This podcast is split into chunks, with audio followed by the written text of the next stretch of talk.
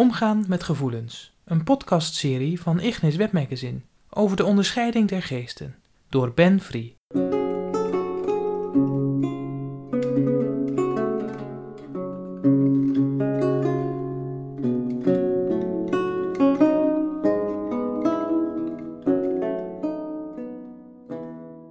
Deel 3 over het beste moment om een keuze te maken. Het is zoeken naar de kwaliteit van de dingen die zich binnenin je afspelen. Dus wat wordt ervaren als troost of wat wordt ervaren als troosteloosheid? Waar ben ik blij mee en wat geeft me ook op langere termijn een geluksgevoel? En wat brengt me in verwarring en maakt me eerder depressief?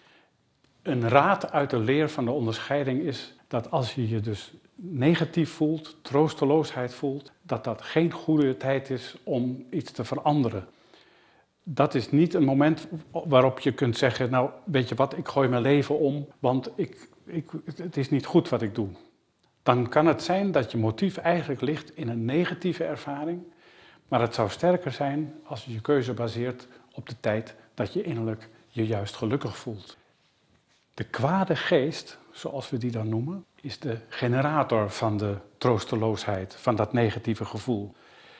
En wat hij doet is, ik pas me eerst aan aan iemand die het goed maakt en die zich innerlijk goed voelt en ga dan in die gevoelens werken, terwijl dan op de duur duidelijk wordt dat wat troost lijkt, het eigenlijk niet is. Er zit iets anders in te vroeten.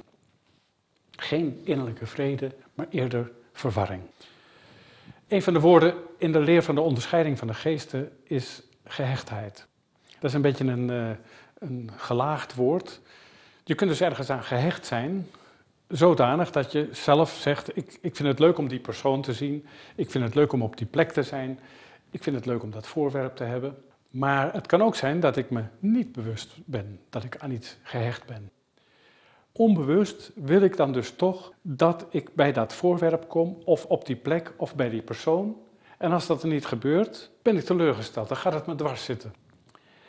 Een van de dingen bijvoorbeeld waar je aan gehecht kunt zijn, is het beeld wat je van jezelf hebt. Ik kan heel goed dit of dat, of uh, ja, ik zie er zus of zo uit. En het kan zijn dat dat niet zuiver is, of dat dat niet klopt. Of dat beeld wat je van jezelf had en waar je zo aan gehecht was, ineens stuk valt. Nou, het kan zijn dat je gehecht bent aan status, of aan een voorwerp, of aan een relatie. En die gehechtheid kan zo sterk zijn dat je denkt, het is ook mijn bezit.